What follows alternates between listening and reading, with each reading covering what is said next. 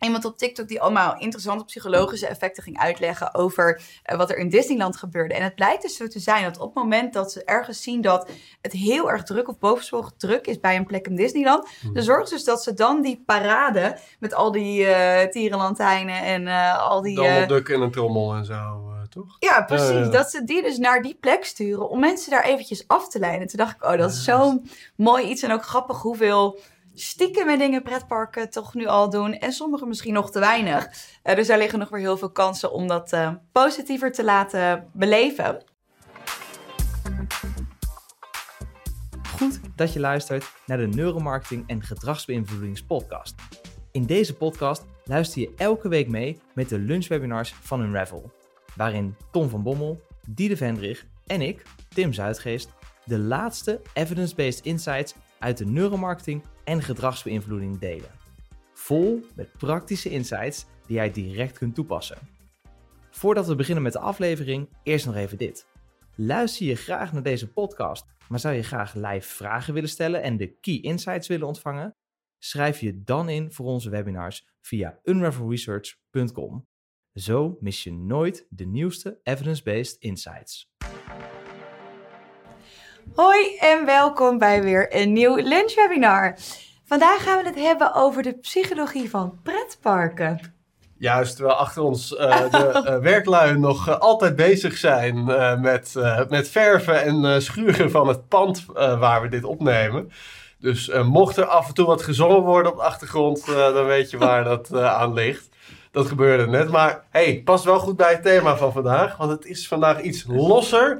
We gaan uit de eh, traditionele commerciële omgevingen en we gaan het hebben over de psychologie van alles wat eigenlijk met fun te maken heeft. Ja, precies. Dus hoe kun je in eh, pretparken, musea en andere attracties de beleving eigenlijk die wij psychologisch meenemen, nou ja, zo maximaal positief mogelijk maken. Mhm. En tegelijkertijd ook de commerciële kant ervan. Hoe kun je daar psychologisch omzet maximaliseren in de winkel, in de restaurants, noem maar op. Leuk. Ja. Misschien voordat we naar de onderwerpen van vandaag gaan, eventjes eh, aandacht weer voor deze mooie mok. Ja, we Is gaan... dit eh, de prijs van vorige week, het IKEA-effect? Eh, ja, ja, ja. Dus hoe Ja. het al. We hebben elke week hebben we een nieuwe mok met daarop een bias. En vorige week, en dan moet ik even goed spieken, hadden we de winnaar. Dat was Celesta. En Celesta die heeft dus deze mok gewonnen met daarop het IKEA-effect. En dat is deze zelfgemaakte cappuccino. En jij maakt zoveel. Jazeker. Eh, smaakt zoveel beter dan die van de barista. En nou ja, dat vangt het IKEA-effect dat we meer positieve emotie toedragen aan dingen die we zelf gemaakt hebben.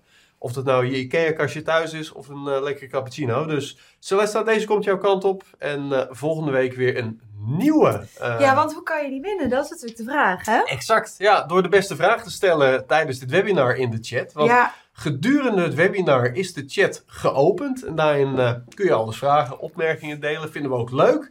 En de allerbeste vraag die ons eigenlijk het meest aan het denken zet, die, eh, die ontvangt het biasbakje van nou, uh, dan ben je iedereen het stimuleren om hele moeilijke vragen te stellen vandaag. Hè? Dat begrijp gewoon je. Vragen die, Ja, het, eh, die, die eh, de toepassing van de psychologie op het spits drijven. Ja, dat vinden we leuk. vaak het leukst. Ja. Zeker. Eh, top. Nou, ik zou zeggen, wat, wat zijn de onderwerpen van vandaag? Kun jij daar wat meer over vertellen? Ja, nou ja, dus alles wat met de psychologie van beleving te maken heeft. Dus Mhm. allereerst gewoon heel breed uit. Hoe komt een beleving tot stand wanneer je bijvoorbeeld in een pretpark bent? En wat herinneren we daar ons achteraf van? Want we zullen zien dat beleving op het moment zelf en herinnering achteraf nogal eens uiteenlopen. En wat je daar dan psychologisch natuurlijk mee kunt doen. Vervolgens een grote uitdaging, bijna voor alle pretparken en attracties, is wachttijdperceptie. Hoe kun je die psychologisch zo pijnloos mogelijk maken? En daarna twee toegepaste gebieden. Enerzijds de winkels en anderzijds de restaurants. Ja. Kijk wat je daar psychologisch mee kan doen. Leuk. En allereerst beleving. Eh, trouwens, die er in de eh, foto waarmee dit webinar geopend werd. dit Ja. is, eh, jij kent deze wel, denk ik. Die ken ik zeker, ja. Dit is het. Guggenheim Museum. ja, het Guggenheim. ja, Dat is niet? van mij is het Guggenheim. Of Oh. heb ik het gewoon mijn hele leven al verkeerd Ja, dat kan. Maar in ieder geval een super mooi museum. Ja, ik ben er met jou geweest. Ehm, laat ik het zo zeggen. Abstracte kunst was iets meer van mijn garing dan dat het van jou was. Moet je me nou hier meteen weer exposen over mijn... Nou nee, ja, ik vond het geweldig. Jij vindt andere kunst misschien wel weer heel erg Dat eh, klopt, dat interessant. klopt, En daar ja. gaan we zo dadelijk wellicht ook. Wellicht misschien ben jij, meer, verklaart waarom ik de naam van het museum ook niet goed kan uitspreken. ben jij meer van de pretparken? nou, inderdaad. Dat Ja. is helemaal mijn ding. Dus daarom dit webinar, dit wordt helemaal mijn ding. Want als we het hebben over, eh, met name zo dadelijk met wachttijdperceptie, valt het in het museum vaak wel mee. In Mhm. pretparken daarentegen is dat echt een groot ding. Daar hebben we hele mooie psychologische technieken van. Hoe je dat eh, zonder al te veel te hoeven veranderen aan wat het park nou feitelijk doet, toch die wachttijdperceptie echt drastisch kunt, eh, kunt verbeteren. Want alles is eh, psychologisch niet zozeer objectief, maar subjectief. En daarbij raakt het ook aan dit kernprincipe dat beleving iets anders is dan onze herinnering achteraf van die beleving. En daarmee bedoel ik simpelweg, als jij op vakantie gaat, dan kan het zomaar eens zijn dat eh, je een aantal hele leuke dagen had en een aantal dagen waarbij het plenste. En dat kan soms zijn dat je in je beleving eigenlijk de meerderheid van de tijd denkt van, wow, een beetje saaie vakantie. En die achteraf toch compleet eh, positief herinnert. Andersom kan het ook zo zijn dat je soms heel veel dagen die een beetje een 8 score zeg maar hebt. En achteraf voelt als van, nou, het was niet een denderende vakantie. Ja. Hoe zit dat psychologisch? Waarom lopen onze herinneringen uiteen van de beleving waarop die herinneringen gefundeerd zijn? Nou, het heeft te maken met de peak end rule. En die kan ik het meest toelichten met het experiment wat dit eigenlijk het eerst aan het licht heeft gebracht. Met een bak met koud water.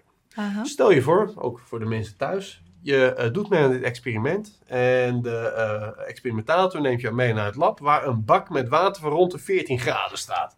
Dat klinkt best wel prima. 14 graden voor water is tamelijk koud. Nou, daar moet je vervolgens je hand een volle minuut in doen. Dat is niet heel prettig, het is ook niet heel pijnlijk, maar 60 seconden lang je hand in koud water. Dat is wat de ene groep mensen moest doen andere groep mensen kreeg min of meer hetzelfde experiment. Maar daar was niet alleen die bak met 14 graden bij, waar je een minuut lang je hand in moest doen. Mhm. Maar tevens een tweede bak water die net een graadje warmer was, 15 graden. En die groep mensen moest eveneens gewoon 60 seconden in die bak met 14 graden. En daarna nog eens 30 seconden in de bak met 15 graden. Dan de vraag aan jou, wie herinnert zich deze procedure als het meest prettig? Hmm. Of het minst onprettig? Ja, ik gok ehm, de tweede. Ja, want uiteraard zou het contra-intuïtieve antwoord moeten kloppen, omdat anders het voorbeeld niet in de, in de presentatie zou staan. Dat klopt wel. Wat natuurlijk rationeel heel raar is, want ze hebben allebei dat je een volle minuut in dat Ja. koude water zit. En daarna in die tweede groep mag je ook nog 30 seconden lang je hand in net wat minder onprettig, maar nog steeds best wel onprettig water houden. beetje flauw ook dat de peak and roll wel eens voorbij had zien komen. Kende je man? Ja, heel toevallig. Heel Nou, toevallig Voor de mensen die het al. niet kennen, dit is wel een heel dus raar fenomeen. Dat een objectief onprettigere beleving, want je moet Mhm. namelijk anderhalve minuut lang eh, je hand in koud water houden, toch herinnerd wordt als nou, dat viel wel mee. Ten opzichte van die groep die je alleen maar een minuut eh, in, in, in koud water hoeft te houden. En het heeft ermee te maken dat onze herinnering van een beleving niet die hele beleving wegschrijft. Mhm. Ons brein probeert namelijk eigenlijk zo zuinig mogelijk met geheugen om te gaan. Dus het is niet zo heel zinnig om als we bijvoorbeeld op vakantie gaan, elke dag te herinneren wat we elk moment gedaan hebben, emotioneel gezien. Mhm. Of in het geval van het bak met water ga je niet elke seconde een soort van in je geheugen wegschrijven.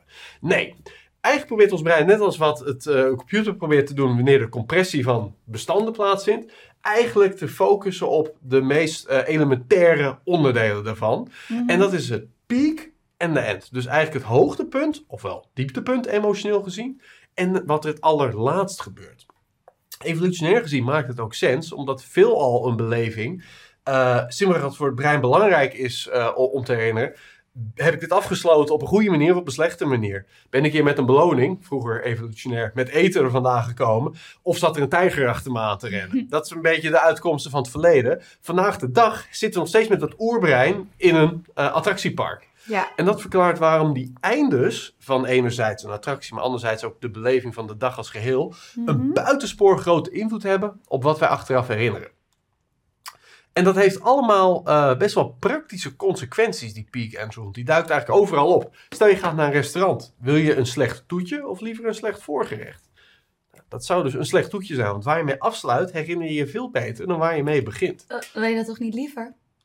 Dus je wil liever een goed toetje. Precies. Ja, dus het toetje moet goed zijn. Heel goed. Ja.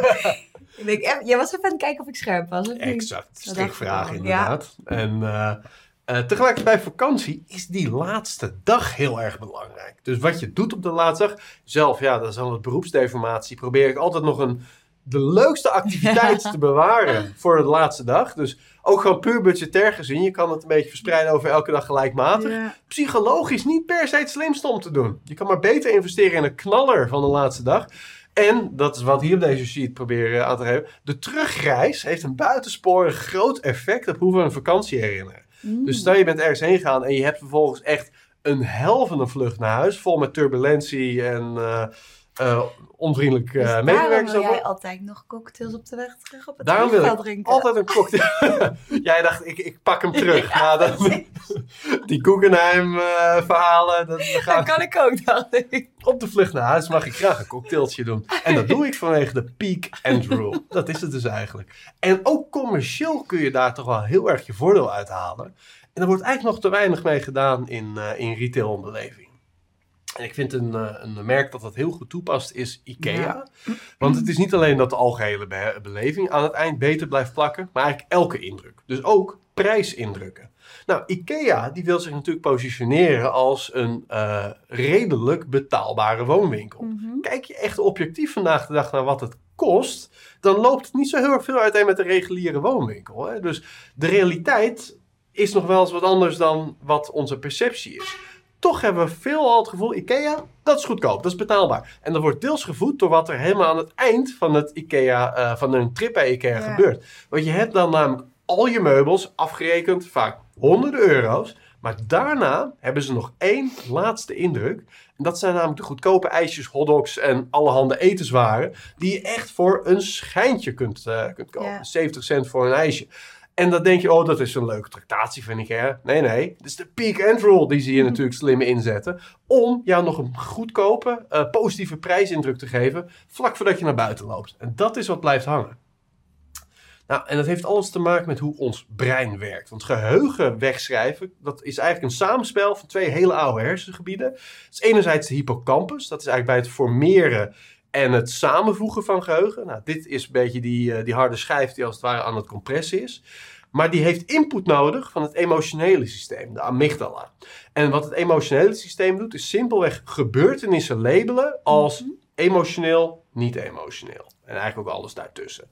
En hoe emotioneel een gebeurtenis is, des te meer plek die in het geheugen krijgt. Dus het is als het ware een soort post-it van dit is belangrijk. En dat is dus puur emotie gedreven. Dit verklaart ook heel erg waarom veel mensen vaak weten waar ze waren op het moment dat er iets heel groots gebeurde. 9-11, ehm, dat soort gebeurtenissen. Dat is op een bepaalde manier op dat moment eh, eh, gaat dat gepaard met een hele sterke emotie, waardoor de hippocampus vervolgens weet: hey, dit is belangrijk, dit ga ik onthouden. Waardoor er ook ineens iets onthouden wordt dat helemaal niet belangrijk was, namelijk wat, eh, waar jij op dat moment je bevond. Ja. Goed. Nou, die peak and roll is dus een van de kernprincipes om het, eh, eh, voor het formeren van belevingen. Dat betekent voor pretparken, eh, musea en alle andere attracties, verschiet niet al je kruid in het begin. Bewaar juist ook een van je hoogtepunten helemaal voor het eind. En wat dat moet zijn, dat heeft echt met je doelstellingen te, te maken. Maar dat kan bijvoorbeeld in een museum zijn om een van de meeste werken echt aan het eind van de flow pas onder te brengen. En tegelijkertijd, stel je hebt echt te kampen met negatieve prijsperceptie. Nou, dan weet je dat je vlak bij de uitgang wellicht een wat goedkoper restaurant moet neerzetten dan eh, halverwege het park. Dus Ja. ook hier weer, wat zijn je doelstellingen? En online gebruik daarbij volgens die peak and roll. Nou, het tweede is dat in grote mate ons brein eh, eh, naar pretpark en attractiepark gaat voor novelty. En novelty is simpelweg het ontdekken van nieuwe dingen. En veelal is dat iets wat we bijvoorbeeld in een winkel helemaal niet willen. In een winkel gaan we juist duiken we in het vertrouwde, iets waar we eigenlijk elke dag komen. En is dat de omgeving waarbij de dingen die we vaak op de automatische piloot kopen, het eerste is wat opvalt. Is in musea en pretparken precies het tegenovergestelde. In die omgevingen zijn we juist heel erg toegespitst op het verkrijgen van nieuwe indrukken. En dat is vaak ook een van de hoofdredenen dat we willen gaan. Ehm, en dat is juist waarom het voor musea en attractieparken zo belangrijk is om eigenlijk continu te innoveren, ook ten opzichte van wat concurrenten doen, Mhm. om op deze kernmotivatie in te spelen. Want juist alles wat nieuw is, zal buitensporig veel blijven hangen in een omgeving. Of in een eh, herinnering van die omgeving. En daarbij is het dus belangrijk dat als je nou ja, na verloop van jaren een beetje de klad ergens in hebt en er dezelfde dingen te beleven zijn, dezelfde dingen te zien zijn, men het dus letterlijk minder memorabel zal gaan vinden. Is één uitzondering op, en dat is met name bij bijvoorbeeld dierentuin en attractieparken, heb je soms de uh, typische seizoenskaarthouder of iemand die uh, inderdaad heel erg vaak komt. Die heeft vaak wat meer de motivatie om eigenlijk hetzelfde nog een keer te beleven. Dus iedere keer naar dezelfde dieren bijvoorbeeld uh, te kijken. Omdat dat juist een soort van rustmotivatie met zich meebrengt. Dus daar is de uitzondering. maar de typische bezoeker, ja, die is toegespitst op nieuwe dingen. En dat betekent niet per se dat je altijd een compleet nieuwe attractie elk jaar moet optuigen als attractiepark. Hè? Dat is, nou ja, financieel al helemaal niet eens rendabel. Mhm. Maar dat kunnen ook details zijn. En dan moet je bijvoorbeeld in de omgeving denken aan props. En props dat zijn requisieten vanuit uh, de filmsetwereld. Maar letterlijk objecten in de omgeving waarbij je denkt, hé, hey, wat grappig. En dat kan dus een bijzondere stoel zijn. Of een muur met een bijzonder kleurtje. Gewoon dingen die je niet elke dag ziet. Van de kleinste tot de allergrootste zaken. Maar novelty, iets wat we nog niet kennen, is dus wel een hele sterke driver wat onze herinneringen vormgeeft van, uh, van een beleving. En ten derde het sociale aspect.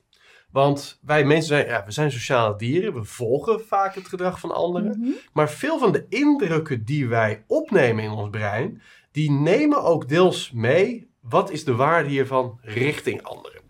En dat heet sociaal kapitaal. En het heeft er alles mee te maken dat we, en je ziet het hier afgebeeld op deze foto, een sterk verhaal willen hebben om te vertellen aan andere mensen. En je hebt dat nog wel eens op uh, uh, technologiebeurzen, uh, entertainmentbeurzen, gamebeurzen. Dan gaan mensen wel eens drie uur in de rij staan, soms nog wel langer. Mhm. Om bijvoorbeeld vijf minuten lang naar een filmtrailer te mogen kijken die daar gereleased wordt. Of een spel te mogen spelen. Of een beroemdheid die daar een panel houdt op de Comic Con-achtige beurs. Waarom doen mensen dat? Dat is niet voor de beleving aan zich. Want vaak staat zo'n trailer uh, enkele minuten daarna gewoon online. Hoef je niet voor in de wachtrij te staan, dat is net zo makkelijk. En kun je dat panel natuurlijk ook online kijken. Mhm. daarbij is een heel grote factor in de reden waarom mensen toch bereid zijn uren te investeren om in zo'n beleving te duiken. Het verhaal naar anderen toe. Dat jij kan zeggen, ik was daar en ik heb dit en dit meegemaakt. En dat heet sociaal kapitaal. Het sterke verhaal dat je opdoet in zo'n omgeving. En pretparken, musea en noem het eigenlijk allemaal op, overal waar iets beleefd kan worden, is een grote driver ook gewoon in de marketingmachine. De mate waarin die omgeving eigenlijk dat verhaal kan creëren. Mhm.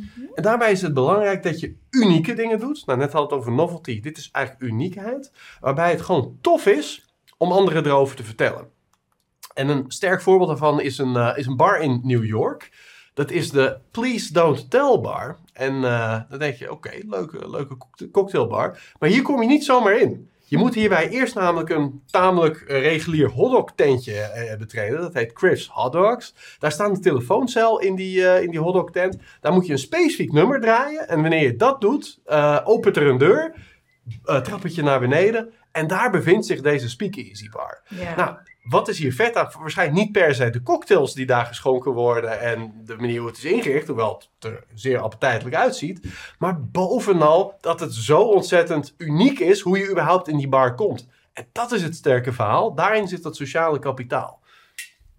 En uh, uh, het is eigenlijk altijd de uitdaging om binnen een attractie of binnen een park of museum als geheel momenten te creëren die als sociaal kapitaal kunnen dienen. Oftewel unieke dingen uh, om te zien, unieke dingen om te doen. En veel uh, winkels in uh, New York die een beetje tegen het attractieachtige aanzitten, doen dit bijvoorbeeld sterk. Hè? Dus je hebt op Times Square de M&M winkel. Dat is voor mij de enige plek ter wereld waar je helemaal je eigen M&M's kunt maken, in een doos kunt stoppen en mee naar huis kunt nemen. Heineken Experience hetzelfde. Krijgt altijd iedereen oh een, ja. een flesje bier met je eigen naam erop. Nou, ik heb dat denk ik acht jaar geleden gedaan. Hij staat nog steeds bij mij in de kast. Je gooit het niet weg. En er zit een bepaalde vorm van sociaal kapitaal aan. Nou, en daarbij zijn het vaak wel belevingen waarbij het sterkst als het product daarin centraal staat. Of het park. En waarom? Omdat juist als mensen erover gaan praten, wil je natuurlijk ook dat dat eigenlijk een soort word-of-mouth moment vormt om er naartoe te gaan. Dus soms heb je iets heel unieks ergens in een omgeving wat zo los staat van de core van de attractie, dat je daar eigenlijk uh, het verhaal daar enigszins mee contamineert. Dus dat wil je wel bij elkaar brengen. En uh, ja, wanneer je naar een... Uh, ik zie jou kijken naar Ja, ik vraag me of het goed gaat met het geluid. Hoor je dit hard? Nee? Oké, super. Wordt luidruchtig wordt er eh, gewerkt. Maar ik vind dat op zich wel een leuke sfeer zo. Ja. En eh, nou ja, moeten we toch even wachten. En dat brengt ons gelijk naar de psychologie van, eh van wachttijdperceptie. Leuk eh, bruggetje, leuk. Ja, ik bouw ze waar je bij staat. hè. Kijk, Oh, helemaal wacht, er, zijn ook eh, vragen in Oh de ja, chat. eh, tuurlijk. Laten we daar eerst naartoe gaan. Tessa, die zegt, net als de hotdogs na een lange rij bij de IKEA, om even door te gaan op het IKEA-effect. Zo, die eh, was inderdaad al vooruitgelopen, denk ik, op het eh, Kijk, precies- wat goed. Ja, ze had dit op 10 over 12 gedeeld, dus toen hadden we het nog niet over de IKEA gehad. Maar helemaal waar inderdaad. En Nanneke zegt, daarom is de rekening ook zo belangrijk in een restaurant. Ehm, dus dat is ook het laatste moment inderdaad. En met name wat je in een restaurant bij het presenteren van de rekening doet, me nog een paar snoepjes geven. Ja, Dat dient niet alleen de fooiepot van, eh, van de medewerkers, maar is dus ook heel erg positief om toch af te sluiten met een positief moment. En Kimberly die vraagt, Disney doet dit enorm goed door bijvoorbeeld de personages de bezoekers uit te zwaaien aan het eind van de dag. Precies, de magie eigenlijk tot Ja. het allerlaatste moment in leven voorbeeld. houden. En eh, van Disney gaan we zo me wel wat meer eh, Ja, zien. denk ik. En eh, Tessa zegt, geen last van. dat gaat over de medewerkers Oh, super. Oké, Ja. mooi. Ja. Dus eh, ik denk dat alle seinen op eh, groen staan om, om Kijk, perfect. Dan gaan we door. Ja. En dan gaan we het inderdaad hebben over wachten. En natuurlijk de perceptie van wachttijd. Want wachten is één ding, maar de perceptie van hoe lang dat voelt, Dat is een Ja, ander ding. daar, dat is een ander Ja. ding. Daar kun je natuurlijk psychologisch gezien heel veel mee doen om daarmee te spelen. En om ervoor te zorgen dat dat uiteindelijk minder negatief wordt ervaren. En als er één ding is wat we vervelend vinden aan wachten, is als we niet weten hoe lang we moeten wachten. En die onzekerheid, ja, die maakt dat wachten echt ontzettend vervelend. En dat herken je misschien ook wel als je in een rij staat bij het pretpark. Ja, dan is het toch wel prettig om te weten hoe lang je moet wachten. Nog positiever kan het worden op het moment dat je denkt dat je bijvoorbeeld een uur moet wachten. En uiteindelijk ineens nog maar, nou, zeg 50 minuten of zeg 45 minuten hoeft te wachten. Waardoor je echt die meevaller hebt. Iets anders interessants aan wachten is dat wachten ergens wel goed is. Want je zou zeggen, puur rationeel gezien, ja, wachten vinden we vervelend. Het zou mooi zijn als we direct door konden lopen, meteen die achtbaan in en gaan. Maar het blijkt zo te zijn dat ehm, juist een beetje wachten heel goed kan zijn voor die anticipatie. Want juist dat wachten en even denken aan het idee dat je straks die achtbaan in mag en dat je dat leuke moment gaat beleven, ja, dat kan ontzettend goed werken om juist die positieve emotie van zo'n ervaring sterker te laten worden. Ja, dus dat is eh, mooi meegenomen natuurlijk eh, als we kijken naar wachtrijen. Maar ja, in principe dus, eh, wees duidelijk over hoe lang je moet wachten en het liefst net wat langer. Ja. Althans, laat mensen eh, communiceren een langere wachttijd dan wat het feitelijk is. Ja, want het tegenovergestelde, en dat ervaarde ik eh, laatst zelf, is Ja. dat is helemaal negatief. Op het moment dat er geen bordje staat aan het begin van waar je aan het wachten bent, en je staat al een uur te wachten, en ineens zie je, oh, het is nog vanaf hier nog twee uur. Nou, dat is helemaal natuurlijk Dat heb jij meegemaakt? Dat heb ik meegemaakt, Zo. ja.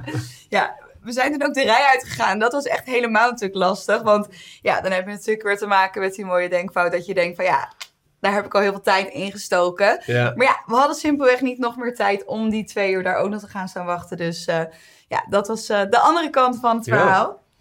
Maar goed, dus een beetje wachten is goed, maar niet te veel. En ehm, zorg voor die duidelijkheid. Iets anders wat heel goed kan werken om de perceptie van wachttijd te verkorten, is door mensen iets van informatie te geven om te verwerken. En dat zorgt ervoor dat mensen ook een beetje afgeleid worden en die nieuwe informatie tot zich nemen, wat ook dat wachten weer als positiever laat ervaren. En ik kwam dus eh, een heel leuk filmpje tegen van iemand die veel informatie is. Ik ben aan te kijken alsof er iets Nee, grappigs gaat gebeuren. Ik, eh, ja, ik vind gewoon de situatie heel grappig dat ik zit hier live mee te kijken. Oh, ik heb gewoon zo lekker die werklui op de achtergrond. Maar Ja, laat je niet afleiden moet door ik mij. zeggen, hoor, dat schuren is wel een, een uitdaging in je concentratie. Maar volgens mij Ik gaat denk het dat wij er meer last van hebben dan Ja, eh, dat denk ik ook. Dus dat, dat is positief. Ehm, over dat wachten en dus mensen afleiden. Ja, dat, daar was ik. Ehm, ik zag laatst een heel leuk filmpje van iemand op TikTok die allemaal interessante psychologische effecten ging uitleggen over eh, wat er in Disneyland gebeurde. En het blijkt dus zo te zijn dat op het moment dat ze ergens zien dat het heel erg druk of bovensporig druk is bij een plek in Disneyland, Hmm. dan zorgt dus dat ze dan die parade met al die eh tierenlantijnen en eh, al die... Duck en een trommel en zo, toch? ja, precies. Ja. Dat ze die dus naar die plek sturen om mensen daar eventjes af te leiden. Toen dacht ik, oh, dat is zo'n mooi iets en ook grappig hoeveel stiekem dingen pretparken toch nu al doen. En sommige misschien nog te weinig. Eh, dus daar liggen nog weer heel veel kansen om dat eh, positiever te laten beleven. Ja. het voorbeeld wat je daar zag, dat was de eh, Space Mountain Ride. Dat Mhm. is een van de populairste attracties volgens mij in Disneyland. Daar moet je dus gemiddeld 155 minuten op wachten. Dat is langer dan een lange speelfilm. Sta je daar te wachten. En mensen doen Ik dat. wil het zeggen. En ze doen vinden het niet erg. Want wat hebben ze? Hebben ze gewoon eindeloze rijen met schermen.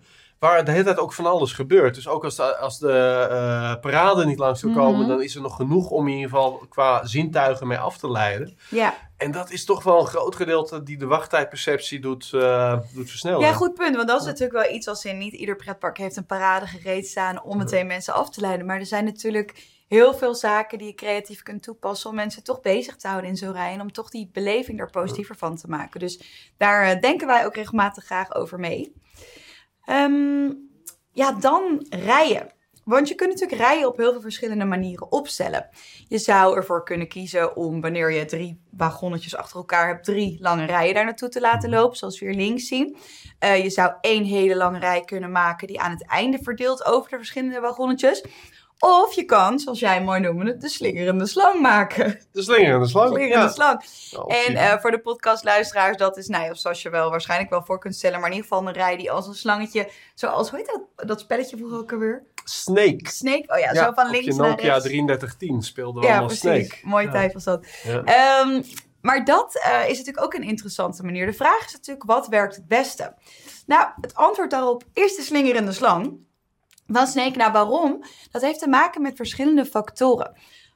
Wat helpt om een rij en het wachten daarvan zo min mogelijk vervelend te maken, is allereerst dat je je doel in zicht wil hebben. Dus op het moment dat jij je doel kan zien, dan weet je waar je naartoe werkt. En dan zorgt dat ook weer meer voor die anticipatie en die positieve emotie. En kan het negatieve gevoel van het wachten iets worden verminderd. Daarnaast is het zo dat hoe meer jij voelt dat je vooruit gaat, hoe positiever we dat ervaren. Je kunt je voorstellen, als je een hele lange rij hebt, dat dat veel minder voelt alsof je vooruit gaat. Terwijl wanneer je echt telkens op een ander plekje staat, ja, dan voelt het steeds meer alsof je aan het vooruitgaan bent. Dus daarin ook interessant ehm, hoe breed je die rij wil maken. Want hoe breder je die rij natuurlijk maakt, hoe meer mensen naast elkaar staan, hoe minder je het gevoel hebt dat je echt naar voren gaat. Terwijl als je meer mensen, of een smallere rij, dus meer mensen achter elkaar hebt staan, ehm, dan voel je sneller dat je naar voren gaat, waardoor je veel meer die progressie merkt. En tot slot, nou, we hebben het allemaal wel eens meegemaakt, denk ik, dat jij in een enorm lange rij gaat staan. En die rij die neemt wel af, maar er komt niemand achter jou staan. Dus eigenlijk Dan heb je me hoor. had jij ook best wel wat later in de rij kunnen Ja. gaan staan. Nou, en dat is natuurlijk vervelend. Dus de hoeveelheid mensen die achter je staan, ja, die hebben ook nog een positieve invloed op hoe vervelend jij dat wachten ervaart. Ja, daar kun je natuurlijk niet zo heel veel aan doen. Mensen, mensen lokken om achter je te gaan staan. Nou ja, behalve dus dat je, doordat je er één rij van maakt, in plaats van drie losse, zoals je in het Ja. voorbeeld links ziet, eh, je gewoon veel sneller wel de situatie hebt dat er gewoon meer mensen aansluiten. Ja, dat drie is keer zo waar. snel. Oh, hier nog een mooie, mooi voorbeeldje van, eh, van een, een slingerende slang. Ja, dan gaan we door naar eh, gift shops. Want er zijn natuurlijk ontzettend veel psychologische technieken die je kunt toepassen. Oh, zijn er vragen nog? Nee, nee ik moest gewoon. Het was een prachtige afsluiter. er zijn eh, geen vragen, dus laten we naar Oké, de... nou, dan was alles vast heel erg duidelijk. Ja. Top. Dan gaan we door naar de gift shops. Want ehm, ja, er, is natuurlijk, er zijn verschillende uitdagingen die je natuurlijk hebt als attractie of museum of wat dan nog. Ehm, want je wilt enerzijds natuurlijk die wachttijdperceptie naar beneden halen, maar tegelijkertijd wil je natuurlijk ook die omzet boosten. Nou, één mooie manier om dat te doen is natuurlijk door je gift shops op die manier in te richten, dat ze psychologisch gezien uiteindelijk het beste staan en daardoor ook voor kunnen zorgen dat mensen uiteindelijk met een mooi souvenir naar huis gaan. Eh, en er zijn heel veel verschillende leuke technieken, waarvan we er eh, vijf vandaag met je gaan delen. En daarvoor eerst even een kleine inleiding, want er zijn, wanneer je gaat kopen, verschillende manieren of verschillende mindsets waarmee je kunt kopen. En dan kun je jezelf ook wel voorstellen, je hebt meer de rationele manier van kopen, dus het moet. Dus we gaan boodschappen doen omdat het moet. Maar je hebt natuurlijk ook de fun manier van shoppen. Dus we gaan shoppen omdat het leuk is. En het is dat ehm, verschillende technieken werken bij de verschillende mindsets beter. Ehm, dus altijd goed om daar rekening mee te houden. En eerst wat ik je wil laten zien, en dat wordt voor de podcastluisteraars thuis wat lastiger, maar ehm, is deze mooie boekenwinkel. En daar hebben we de belichting op twee manieren ge- weer, zo, weergegeven. Eh, met wat warmere tinten en met wat koelere tinten. Het blijkt zo te zijn dat die warmere tinten een positieve invloed hebben op of mensen uiteindelijk gaan kopen. Wat ook weer komt door dat warme gevoel en die positieve emotie die je ervaart op het moment dat je in zo'n winkel staat. Waarbij wat killere koele kleuren juist soms wat beter kunnen werken bij rationele producten. Ja, ja, het was volgens mij in deze studie zelfs dat bepaalde genres beter deden bij die koelere kleuren. Oh ja. Denk aan kille, rationele businessboeken. Mhm. Terwijl de wat meer emotiegedreven genres beter verkochten juist eh, bij die warme kleuren. Ja, dat blijkt zo interessant. Cadeaus. Wat zei je? Fictie en cadeaus en zo. Die, eh, Ja, leuk. Want daarmee zie je ook maar weer hoe makkelijk wij mensen ons laten sturen door zaken die zo ja, onbewust eigenlijk op ons spelen. Wat we Ja. ook, eh, ook zien dat geur daar een hele grote rol in kan spelen. Ook een mooi voorbeeld waarbij ze bij een eh, boekenwinkel de geur van chocola verspreiden. Nou, dan was de vraag van oké, welke boeken verkochten meer? Nou, enerzijds kookboeken. Op zich is die associatie natuurlijk nog wel logisch. Maar wat ik ook mooi vond, was dat dus ook de romantische boeken beter gingen verkopen. En dat is natuurlijk interessant, omdat dat, ja, dan moet je in één denkstap verder voor maken, omdat die associatie met die romantiek toch heel sterk ligt eh, samen met die chocola. Dus dat zijn mooie manieren om te kijken hoe je op onbewuste wijze toch je bezoeker kan verleiden om eh, in die koopmindset te komen. Nou, dan een inzicht ehm, die we uit onderzoek halen. Want jarenlang werd altijd gezegd van, zet nou je belangrijkste producten op eye level, want eye level is buy level. Maar eye level is helemaal geen buy level. Nou, ik koopte wel eens wat, maar niet het meest. Zo blijkt inderdaad uit, eh, uit onderzoek. Ja, het eh, echte buy level ligt daar namelijk net iets onder. Ehm, wanneer je dus voor het schap staat, kijken we vaak net iets lager dan eye level. En dat is dus ook de plek waar je of je belangrijkste of je meest margerijke producten wilt leggen, zodat die de meeste aandacht krijgen. Want ja, hoe meer aandacht, hoe meer producten uiteindelijk ook worden verkocht. Dan het prijskaartje. En dit is een interessante, want er zijn ontzettend veel psychologische technieken die eh, jou kunnen helpen om de perceptie van de prijs van een product interessanter te maken, ofwel goedkoper, ehm, of soms luxer. Dat is natuurlijk net welk doel je hebt, afhankelijk van het design van het prijskaartje. En wat het interessante daaraan is, is dat je de daadwerkelijke hoogte van die prijs dus gewoon hetzelfde kan laten. En dat vind ik het magisch aan deze technieken.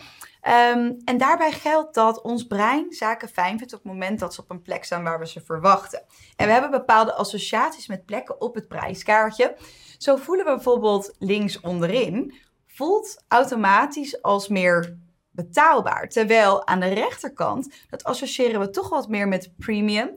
Waardoor dus wanneer jij een luxe product wilt verkopen, of meer de associatie met dat premium wilt versterken, dan kan het juist weer ontzettend goed werken om de prijs aan de rechterkant te weergeven.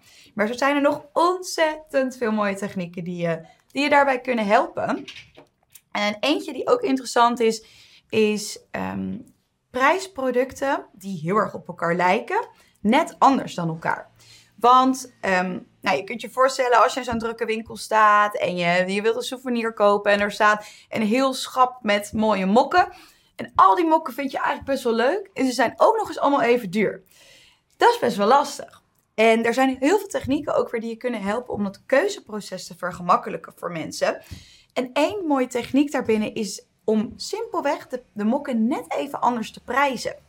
Ehm, dus in plaats van dat je ze alle twee precies 4,75 euro maakt, maak dan de een 4,70 en de ander 4,80. Waardoor als mensen het niet puur op ja, basis van de mok zelf een keuze kunnen maken, ze toch die prijs kunnen gebruiken om gemakkelijker tot een keuze te komen. En dat blijkt ook weer verkoopverhogend te werken. Ehm, dus dat is ook een mooie die je mee kan nemen.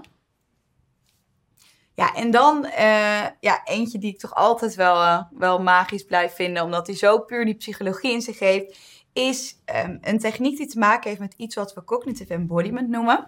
En dat psychologische principe legt uit dat er bepaalde fysieke concepten zijn die samenhangen met mentale concepten. Dus fysieke grootte hangt samen met mentale grootte. Dus op het moment dat jij je prijs fysiek groot weergeeft, en dit zien we echt heel vaak gebeuren. Dus denk aan een tik, lettertype, eh, grote, grote font size, noem maar op. Dan voelt die prijs dus ook duurder. En als die dus even doortrekken naar een kortingsweergave, dan zien we vaak gebeuren dat we de nieuwe prijs groot en dik maken. Dus we zeggen, hé, hey, fantastische deal, moet je gebruik van maken, dit is de prijs, uh, ga ervoor. Op zich een logische gedachte, maar psychologisch gezien eigenlijk niet heel slim. Want wat je wilt doen is juist de nieuwe prijs kleiner en dunner maken en de oude prijs juist groter en dikker. Wat je ook nog kan doen is even de fysieke afstand tussen oude en nieuwe prijs wat groter maken. Want fysiek grotere afstand is mentaal grotere afstand, dus is een betere deel. En dat kan ontzettend goed werken. En het lijkt iets heel erg onbewust, iets heel erg kleins. Maar we zien echt ook in de AB-test die we online voor onze klanten draaien, dat dit zoveel verschil kan maken. En ja, het is zo makkelijk toe te passen. Dus eh, ja, er is echt eh, een hele schatkist nog aan psychologische technieken die je daarop op kan inzetten. De- deze vinden klanten vaak heel spannend aanvankelijk. Hè? Ja. Dat je dan eh, zo indruist tegen wat je waarschijnlijk al 50 jaar doet. Namelijk het oude bedrag. eh, ja, klein. Nee? Oh, oud, ja, sorry. ja, ou- ja, dan moet je goed, eh, goed scherp blijven. ja. En, en het nieuwe bedrag, bam, groter in. Maar dat Ja. gaat natuurlijk heel erg uit van het rationele idee van dat die Ja. prijs überhaupt iets moois is. Ja, Ehm, terwijl je eigenlijk het gevoel van korting wil maximaliseren. Dat is toch het meest gediend bij Ja. soms deze contra-intuïtief, maar heel makkelijk toe te Ja. passen technieken. Ja, en daarnaast, mensen kijken überhaupt natuurlijk helemaal niet zo naar een prijs als we dat zelf als marketeer doen, omdat we daar zo rationeel mee bezig zijn. Terwijl mensen Ja. gewoon kijken naar het prijskaartje en dat is het. Ja, vaak voor niet eens langer dan een seconde. Daar wordt gewoon een gevoel losgemaakt van intensiteit van korting, gewoon kortingsgevoel. Ja, En dat kun je met die psychologische technieken bespelen. zeker. Ja. Zijn er Ehm, vragen? Eh, nee, alleen Tessa die zei eh, in de eh, supermarkt de geur van vers brood. Als je de supermarkt inloopt, wekt honger op en dus koop je meer. Dat raakt denk ik aan een van de eerdere principes waar we het inderdaad Ja. over hadden. Eh, en dat is inderdaad echt een mindset ding. Hè? Dus het ene moment ben je veel ontvankelijker om een bepaalde aankoop te doen dan het andere. Ook als je bijvoorbeeld om eh, vijf uur 's middags supermarkt eh, bezoekt, dan is het heel wat moeilijker weerstand te bieden tegen al het lekkers, want je bent gewoon cognitief meer Mhm. uitgeput. Maar hetzelfde kun je natuurlijk enigszins bespelen door de zintuigen. eh, ja, en wat mooi is is ook Ja. dat überhaupt iedere lekkere geur, ook al is het niet per se ehm, relevant voor het product dat je verkoopt, als in ja, je krijgt er meer honger van, dat is zeker waar, maar Ja. tegelijkertijd zorgt dus ook iedere lekkere geur überhaupt voor meer verkoop. Je bent Ehm, gewoon positiever dan. Ja, dus dat is een, eh, zeker een interessante en ook weer een mooi voorbeeld van hoe, eh, hoe die psychologie daarin kan helpen. Ja, en in eh, veel attractieparken en musea heb je natuurlijk niet alleen de gift shop als een heel belangrijk touchpoint Mhm. om de omzet te stijgen. Maar mensen krijgen op een gegeven moment ook honger en dorst. Nou, Ja. daar is de F&B, Food and Beverages, natuurlijk op gericht. En dat is net zozeer echt een prachtig toepassingsgebied van, van psychologie. Gedeeltelijk zelfde soort technieken als die jij net noemde natuurlijk. Omdat je eh, bijvoorbeeld kortingsweergave is net zo toepasbaar in een restaurant als dat dat is in een eh, winkelomgeving. Ja, Maar er zijn ook wel een aantal technieken die heel erg specifiek zijn afgestemd op de uitdagingen in restaurants. Eh, en daar heb ik er ook een aantal van. En één daarvan is een techniek die je wel breed vanuit de psychologie toegepast ziet worden in, in consumentenbeïnvloeding. En dat is het zogenaamde anchoring effect. Nou, dat wordt natuurlijk vaak gedaan door een duur product als eerste te laten zien en daarna een ander product wat iets goedkoper is eh, als tweede te tonen. Waardoor dat tweede product een stuk voordeliger lijkt. Prijzen zijn nou eenmaal relatief in ons hoofd. Ehm, dus hier als voorbeeld vanuit een winkel. Als je twee frisdrankjes ziet waarvan de ene 70 cent is en de andere 67, denk je... Mooi, prima, dat zijn blijkbaar de prijzen hier. Zie je een frisdrank eerst van 1,20 en dan die van 67, voelt die van 67 wel ineens als een koopje. Nou, dat werkt in de winkel, maar dat blijkt buitensporig effectief te zijn, juist in food and beverages. Ehm, dus wat je daarbij doet, is een referentieprijs eh, eh, eigenlijk, eh, of het gebrek aan referentieprijs gebruiken om daar eigenlijk een soort van vulling aan te geven door zelf een duur product te tonen. Waarom werkt dat nou in restaurants zoveel beter nog dan in de winkel? Dat komt omdat de referentieprijs in ons hoofd daar veel zwakker is. Nou, wat bedoel ik ermee? Als jij in de winkel loopt en je staat bij de frisdranken, heb je ongeveer grofweg wel een idee wat een fles cola zou moeten kosten. In de meeste gevallen. Dus daarbij wordt het anchoring effect enigszins afgezwakt door wat er zich in jouw eigen geheugen bevindt. Echter in restaurants is de referentieprijs veel zwakker, omdat die prijzen van producten veel variabeler zijn in restaurants. Oftewel, we zijn eigenlijk meer of sneller te beïnvloeden door wat we in die omgeving zien. Dus het anchoring effect werkt heel goed in restaurants, met name bij lijsten van vergelijkbare opties. Denk bijvoorbeeld aan de wijnkaart. Je kunt de wijnkaart eh, opbouwen van goedkoop naar duur. Maar dat is niet het meest gunstig. Want neem opbouw van duur naar goedkoop, blijkt het een stuk effectiever te zijn om een duurenker natuurlijk als eerste te, tonen, waardoor de reguliere wijnen voordeliger uh, aanvoelen. Dat is ook onderzocht, uh, wat dat dan doet wanneer je die uh, switch maakt van hoog-laag of van laag-hoog naar hoog-laag. En dat levert gemiddeld 4,2% meer omzet op vanuit wijnverkoop. En dat is natuurlijk, het is een laag percentage, maar opgeteld over het jaar heen gerekend een enorm bedrag natuurlijk dat je extra Wel nog een interessante toevoeging bij deze vind ik altijd dat uh, dit vooral goed werkt op het moment dat mensen al wel besloten hebben dat ze iets van wijn willen gaan drinken. Want Um, soms wordt dan ook gevraagd van, oké, okay, maar moeten we dat dan ook bijvoorbeeld doen bij uh, mensen die bewijs van voor de, voor de deur van de pizzeria staan bij de Domino's en die, die van buiten aan, aan het bekijken zijn, willen we hmm. hier pizza bestellen? Okay, is misschien Domino's niet het beste voorbeeld omdat iedereen dat wel kent. Maar uh, wanneer je dan natuurlijk je duurste prijs bovenaan zet, kan het zijn um, dat mensen alleen die dure prijs zien en denken, oeh, wegwezen hier, het is hier veel te duur. Dus dat is wel een goede om um, daar rekening mee te houden. Dat je altijd moet kijken naar de context en de motivatie en waar mensen in hun besluitvormingsproces al zijn. Ja, hele goede toevoeging. Het enker moet direct opgevolgd kunnen worden door de feitelijke eh, producten die je wilt verkopen. Ja. En inderdaad een 1 2 van in de etalage iets duurs en dan in de winkel hopelijk wat goedkoops neerzetten. Dan heb je wel heel veel klanten verloren waarschijnlijk die je hebt afgeschrikt. De tweede, heeft te maken, uh, tweede techniek heeft te maken met uh, de namen die je gebruikt voor de verschillende opties ja. op de menukaart. En daarbij zien we dat creativiteit echt beloond wordt met meer omzet. Dus er zijn verschillende studies geweest waarvan ik hier een, eh, een mooi recent voorbeeld heb gepakt. Waarbij ze uh, met name probeerden de gezonde opties een boost te geven. Maar in brede zin werkt dit voor alles. Um, want je kunt natuurlijk, stel je hebt een gerecht dat heet bietjes kun je zetten. Dat zou een hele inspiratieloze menukaart zijn. Ik wil de bietjes. Doe mij niet maar. Dan kun je zeggen, bietjes. maar je kunt het ook Dynamite Chili en Tangy Lime Seasoned Beets noemen. Dus gewoon met wat meer franje een uh, gerecht omschrijven. Is feitelijk wat het is. En op deze sheet hebben we echt tal van voorbeelden hiervan gezet. Hoe je met wat meer beschrijvend bloemrijk taalgebruik ja. een anderszins tamelijk uh, suffe optie toch wat meer schwung kan geven. Ja. En dat levert geld op. Want wat we zien is dat in dit onderzoek de keuze voor deze opties met 25% toenam. En daar kun je natuurlijk mee spelen. Hè? Want je kunt zeggen, oké, we gaan onze hele menukaart upgraden met dit soort namen. En dat kun je doen en dan kan de algehele conversie wellicht omhoog gaan. Maar tegelijkertijd door alles op je menukaart zo'n bijzondere naam te geven, is de playing field ook weer helemaal geleveld. Wat je eigenlijk vaker wil, is de aandacht wat verhogen naar de opties die het liefst verkoopt. Dus wat je eigenlijk doet, is een aantal gerechten van een wat simpele naam voorzien. Wat gewoon de usual stuff is eigenlijk. En de gerechten die je het liefst wil verkopen, omdat daar nou eenmaal meer marge op zit, die geef je deze leuke, uh, wat meer emotiegedreven namen. En op die manier kun je dus doelgericht de keuze neerleggen of uh, dirigeren waar de omzet zit. En een vraag die we ook heel vaak krijgen wanneer we uh, F&B adviseren is hoe verwerkt men nou menukaarten? En daar hebben we ook eye-tracking onderzoek naar gedaan. En daarin blijkt een, een, wetmatigheid die niet alleen uit onze onderzoeken volgt, maar ook uit, uit alle onderzoeken naar hoe we uh, menukaarten verwerken. En dat is de zogeheten Golden Triangle. Dus die heb ik hier afgebeeld op deze sheet. Je ziet de menukaart. En voor degenen die luisteren, het patroon dat we vaak volgen, is dat we eerst in het midden van die menukaart kijken. Dus je hebt hier drie kolommen van gerechten. Kijk eigenlijk eerst naar het middelste. Dan naar het top right, dus rechtsbovenin en dan links uh, bovenin. Dat is vaak wat we doen. Waarom heeft rechts een voorbeeld ten opzichte van links? Heeft ermee te maken dat we rechtshandig zijn.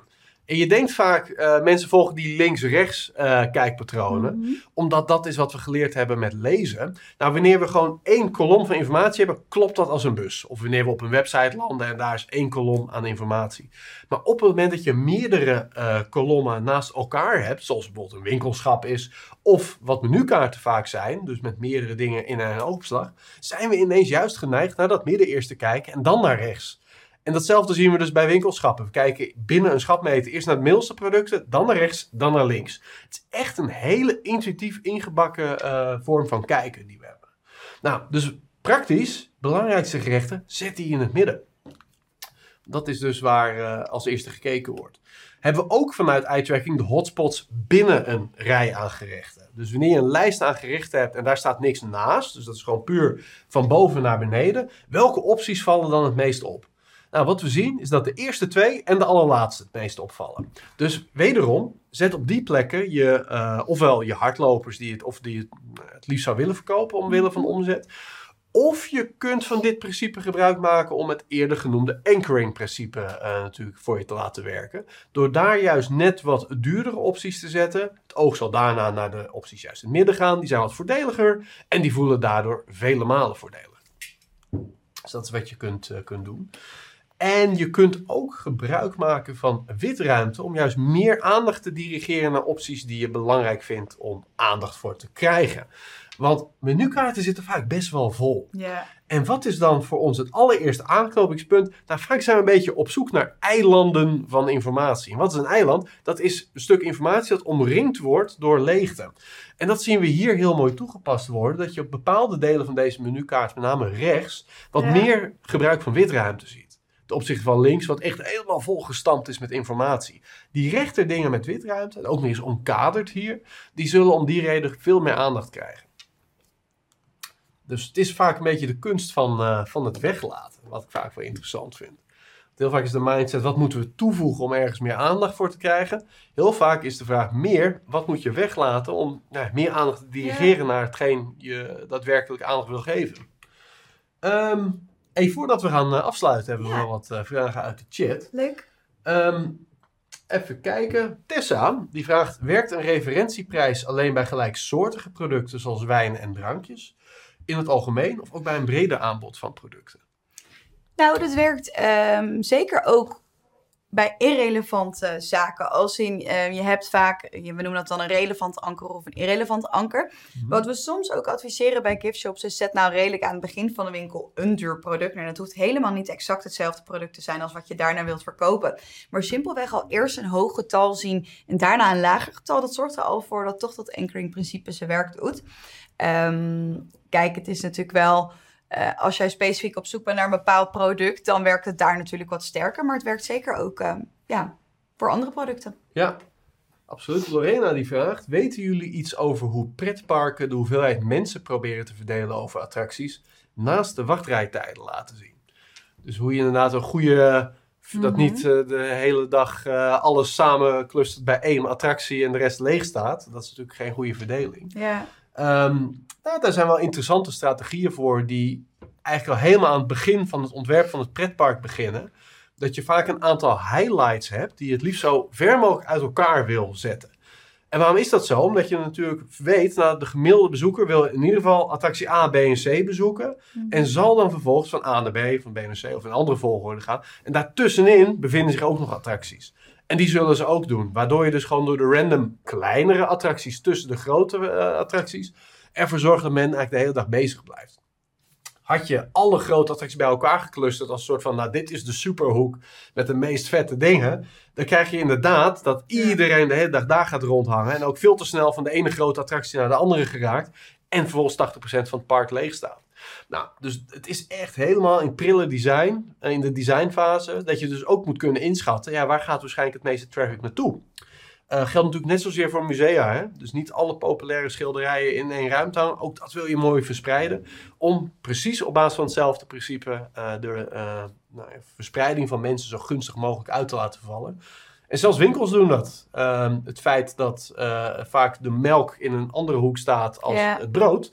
Dat zorgt ervoor dat precies de categorieën waarbij mensen vaak echt elke dag aankopen doen. Zo ver mogelijk uit elkaar staan. En op die manier zoveel mogelijk routing naar andere kleinere categorieën veroorzaken. Carina vraagt, en hoe zit het met een kleur? Ik denk kleur. Eh, zwart versus neon pink bijvoorbeeld. En materiaalkeuzes als glazen fles, kartonnen doos of metalen blik. In de context van F&B, eh, denk ik. Oh. Dus ehm, kijk, er is natuurlijk heel veel effect dat uitgaat van kleur. Mhm. Enerzijds op beleving en bijna de branding van een restaurant. Dus kleur heeft invloed op, voelt dit als een premium restaurant waar je echt even goed gaat eten? Of is dit meer even snel takeaway en eh, we verwachten er niet te veel van, maar eh, we zijn in ieder geval weer goed gevuld. Nou, daar werkt kleur al in, wel tezamen met tal van andere variabelen. Ja, ik denk dat de vraag en het antwoord daarop heel erg afhankelijk is van de context en het doel wat je probeert te bereiken. Ja, Als in als jij bepaalde duurzaamheidsperceptie heel erg belangrijk vindt, ja, dan kan je daar natuurlijk in je eh, materialen heel erg mee spelen, verse producten neerzetten. eh, noem maar op. Maar ja, ik denk dat dat heel erg contextafhankelijk is van wat je wilt bereiken. Klopt, ja. En dat zijn lange termijn effecten en ook juist weer korte termijn effecten. Ik bedoel, de klassieker is dat McDonald's de kleur heeft gekozen om je zo snel mogelijk weer het restaurant Ja. uit te krijgen. Eh, en daar zijn warme kleuren inderdaad effectiever in dan wat meer eh, nou ja, ingetogen kleuren, zou ik maar Ja, zeggen. nu de laatste jaren proberen hè? ze dus juist wat meer dat groen erin te brengen. Volgens mij om juist weer wat meer die eh, gezonde eh, Ja. duurzaamheidsperceptie wat meer erin te krijgen. Maar dat is interessant, hè? want de ene doelstelling is heel erg lange termijn brandgericht. Andere Ja. doelstelling is heel korte termijn direct eh, gedragsgericht. Ja, je doelstelling kan natuurlijk ook veranderen qua branding. Dus dat is interessant hoe we Ja. daar toch wel zien dat die kleuren daar wel daadwerkelijk een grote rol in spelen. Zeer zeker. Dus eh, niet één knip en klaar antwoord. Behalve wel dat de rol van kleur natuurlijk een, eh, een grote is in eh, omgevingsbeleving. Job die vraagt: zou die theorie in Aziatische landen anders werken, aangezien daar westers denken en doen van links naar rechts niet van toepassing is? Theorie, theorie, theorie. Nou, dat is de theorie waarschijnlijk van de kijkpatronen. En dat is interessant met die links-rechts, eh, patroon, of eigenlijk midden-rechts-links patronen. Mm, Eh, want inderdaad, in het geval van eh, links-rechts patronen, die we dus niet zozeer op menukaarten zien, maar bijvoorbeeld wel wat meer nou, in boeken en op websites, is precies het omgekeerde het geval Ja. bij Aziatische landen. Echter, in het geval van dat menukaartpatroon, en wat we dus ook vaak in winkelschappen zien, is niet leesrichting de oorzaak van het feit dat we eerst in het midden kijken en dan naar rechts, maar hand. Namelijk, wanneer je dominant hand rechts is, kijken we vaak eerder naar de rechterkant van het schap. Wanneer je dominant linkshandig bent, dan kijken die mensen eh, de linkerkant van het schap juist eerder. Dus waar ons hand het makkelijkst iets pakken kan, daar Ja. kijken we het meest. En wat we natuurlijk wel ook zien eh, qua cultuurverschillen, qua richting, als we kijken naar looprichtingen, zeg maar, dan zien we ook wel dat in landen waar mensen eh, links moeten rijden, dat we in de winkel graag een andere kant op gaan dan eh, de landen waarin we juist rechts moeten rijden. Ja, ja dus dat is looprichting. Ja. Dus daar is inderdaad weer, wat is de Meer her... van mijn punt was, dus ik denk dat dit daar zeker ook, zeg maar, culturele eh, invloeden daar wel met de associaties die je hebt wel invloed op kunnen hebben. Ja, ja, ja, dus je moet altijd kijken, wat is de oorzaak van een eh, kijkpatroon? Ja, En is dat een culturele oorzaak, omdat we geleerd hebben van links rechts te lezen Mhm. of rechts eh, rijden, dan zal dat switchen met, met cultuur. Tegelijkertijd is natuurlijk de oorzaak hier bijna biologisch, rechtshandig, linkshandig. En dat Mhm. verschilt natuurlijk niet in, eh, in, eh, per continent. nee, Ehm, dus daarbij zou ik zeggen, ik denk dat dat bijna cultureel overstijgend is. interessante vraag. Ehm, ja, zit daar, een, zit daar een mok in? Wellicht, wellicht. Dus die was van Job. Lorena, die... ehm weten jullie iets over... Oh, dat is de hoeveelheid mensen te Ja, verdelen. allemaal. App die vraagt, is er iets bekend over de perceptie van voordringrijen? De- dit is wel een behoorlijke framing. Ik neem aan dat die, eh, die speed, eh, dus dat je extra snel... Oh, die Dus- eh vastlane. Fastlane, eh, ja. Waarbij wachtende mensen een andere groep mensen voorzien gaan, weten dat zij er meer voor hebben betaald. En hoe is dat voor de mensen die zelf aan een andere groep mensen voorbij lopen? Mm. Nou, ik denk dat die groep mensen zich heel erg lekker voelt. Ja. Ehm, ik weet Dat niet ik of wel onderzoek naar ja. gedaan. Ik, ben, ik was in New York eh, een paar weken Aha. geleden. En toen ben ik echt als de ultieme toerist ben ik naar zo'n rooftop.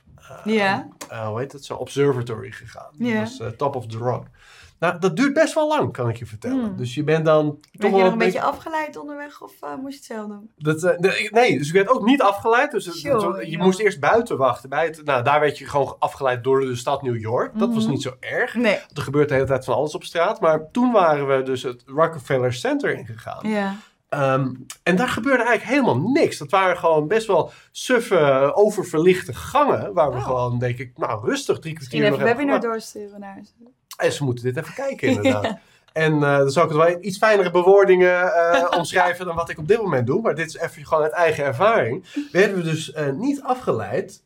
Maar wat gebeurde er wel? Na ongeveer een half uur gewacht te hebben, kwam er eens een groep mensen lachend die werd Mm. voorgelaten. Ook nog eens dwars door onze rij heen. Dus Oh. daar was niet goede logistiek om eigenlijk die fast lane enigszins discreet naar binnen te laten gaan. En dat deed mij pijn. Ja, dat geloof ik, ja. Dat was echt, eh, dat voelde niet goed. Dus uit eigen ervaring werkt niet zo goed. Maar daarmee leerde ik ook, het is ook hoe je het doet. Dus hoe zorg je ervoor dat die fastlane wel hun Ja, superioriteitsgevoel... en commercieel gezien is het natuurlijk wel super interessant. Want die Ja. pijn die je ervaart op het moment dat iemand anders langs jou gaat, ja, die creëert natuurlijk wel motivatie om de volgende keer misschien toch ook zo'n duurder ticket te kopen. Dus ja, op dat moment is het wel Ja. een negatieve ervaring. En denk ik dat dat ehm, ja, de positieve beleving van jouw pretparkbezoek wellicht op dat moment wel negatief beïnvloedt. Maar op de lange termijn kan het er misschien wel weer voor zorgen dat mensen toch meer gemotiveerd worden om ook Ja. zo'n kaartje te kopen. Heel goed. Ja, dat is wel een hele goeie. Dat, het kan pijn doen in het moment. Ja. Maar dit is weer helemaal grijp terug aan waar we het eerder in dit webinar op hadden. De emotie van het moment gaat lang niet altijd zich echt nestelen in de herinnering van die beleving. En Nee. als ik terugkijk naar dat observation deck, dan denk ik alleen maar aan dat fantastische uitzicht dat we hadden. Hoogtepunt niet en aan- het einde. Exact, hoogtepunt en het einde, ja. Ook dat, het einde deden zij ook heel erg goed. Want ze hadden nog een... ehm, eh, ze hadden het allermooiste... Dus je ging eerst gewoon met, nou, laten we zeggen, 500 mensen stond je boven op dat dak. Ja, En daarna dacht je, oké, we moeten nu weg. Dus je, gaat, je loopt weer de uitgang eh, in. dan kreeg je nog Maar- een snoepie. Nee, dat was nog beter geweest. Ze hadden daarbij eh, eigenlijk een soort van, liep je een gangetje in, een hoek om. En daar hadden ze een camera gestationeerd met daarachter nog het allermooiste uitzicht Oh, over de stad. Met een extra foto-opportunity waarvan je niet wist dat die kwam. Moest je dus wel voor betalen, Tuurlijk. want er stond dus alleen een professionele fotograaf. Maar daarmee nog een soort van extra verblijdend moment. Hm. Zo, dit ziet er ook niet verkeerd Ja. uit. En dat zag je dus daarvoor Oh, eh, niet. Dus ook een slimme peak and roll eh, daar. Zeker. Ehm, even kijken. Nou, dat was hem. Kijk, Ja, mooi. dus dat brengt ons bij eh, De ja, takeaways van Nou, vandaag. take it away. Ja, eh, er zijn een aantal vragen die je moet stellen als je een attractie hebt. En dit zijn echt principes of het nou gaat over een pretpark, een museum of zelfs een winkel met belevingsgerichte elementen. Dan gaat dit dus allemaal op. En daarbij is het ten eerste het geval van hoe is eh, jouw emotie of hoe is eigenlijk de emotionele flow van de, van de bezoeker, hoe is die getimed? En maak je daarbij optimaal gebruik van de peak end rule. Dat is eigenlijk verondersteld dat het allerlaatste moment buitensporig belangrijk is in wat mensen qua herinnering mee naar huis nemen. En eh, is dat een positieve? En heel soms doe je het 90% goed en de laatste 10% niet. En dat is dus echt dodelijk voor de herinnering, waardoor je, en dat is het goede nieuws, met een kleine wijziging aan het eind buitensporig goed effect kan hebben op nou ja, wat mensen zich eh, herinneren. En dat ook meetbaar, bijvoorbeeld NPS-scores en zo, eh, zichtbaar. Het tweede is, eh, gebruik je voor je winkels alle principes om eh, eigenlijk spontaan koopgedrag te beïnvloeden. Dus dit zijn echt wel andere principes dan die in algemene zin voor supermarkten gelden. Met name dus dingen En die op zijn spontaniteit gericht zijn. En er zijn er heel veel. We hebben er vijf van gegeven nu. En er zijn natuurlijk veel meer. We adviseren daar ook over. Dus als je het interessant vindt om daar meer consultatie over te krijgen, neem contact op met ons. Hoe kunnen ze dat doen? Diede, apenstaatje, unravelbehavior.com. Dus een plankje bij Diede in de mailbox. Eh, en hetzelfde geldt natuurlijk voor de restaurants, de F&B. Want dat is net zozeer, eh, zowel vanuit de omgeving als de Mhm. menukaarten, echt een prachtig toepassingsgebied om met psychologie, dus eh, gedrag en beleving, Ja. positief te, te beïnvloeden.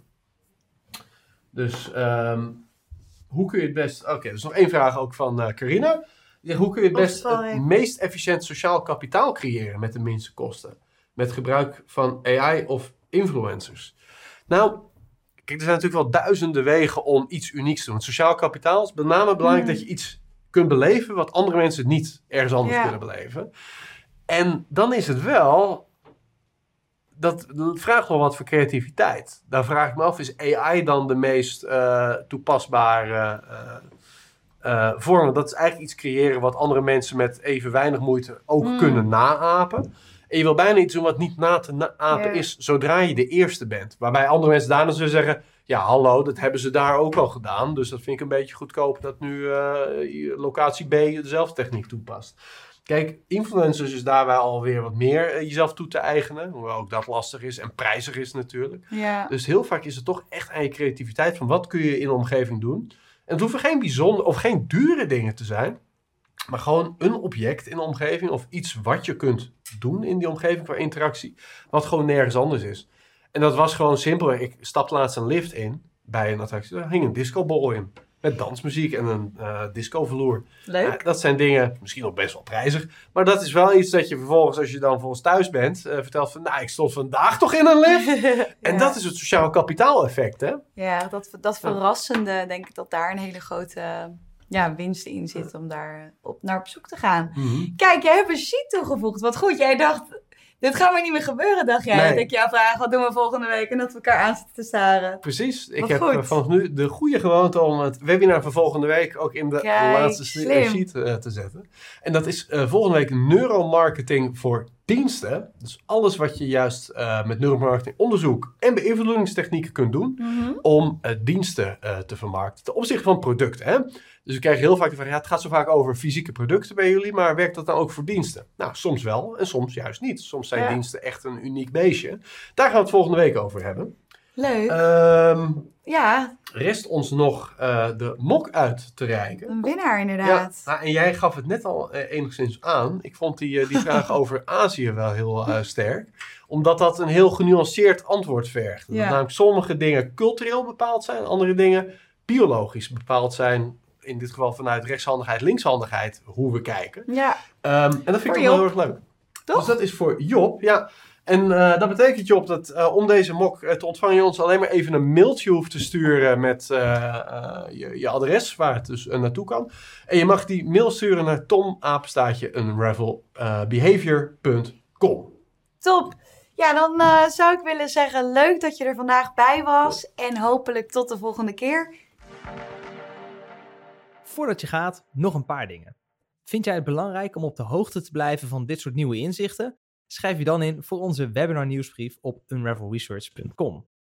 Wist je trouwens dat Tom, Diede en ik ook te boeken zijn als gastspreker? Of als je meer de diepte in wilt gaan voor een in-company masterclass of inspiratiesessie? Neem voor meer informatie hierover contact op met emily at. Heb je vragen of suggesties over deze podcast? Laat het me vooral dan even weten via tim at. En als laatste, vond je deze podcast waardevol en denk je nu aan één persoon die deze aflevering ook zou moeten luisteren? Stuur hem dan vooral door. Of geef ons een beoordeling in jouw podcast-app. Zo kunnen andere mensen deze podcast ook sneller vinden.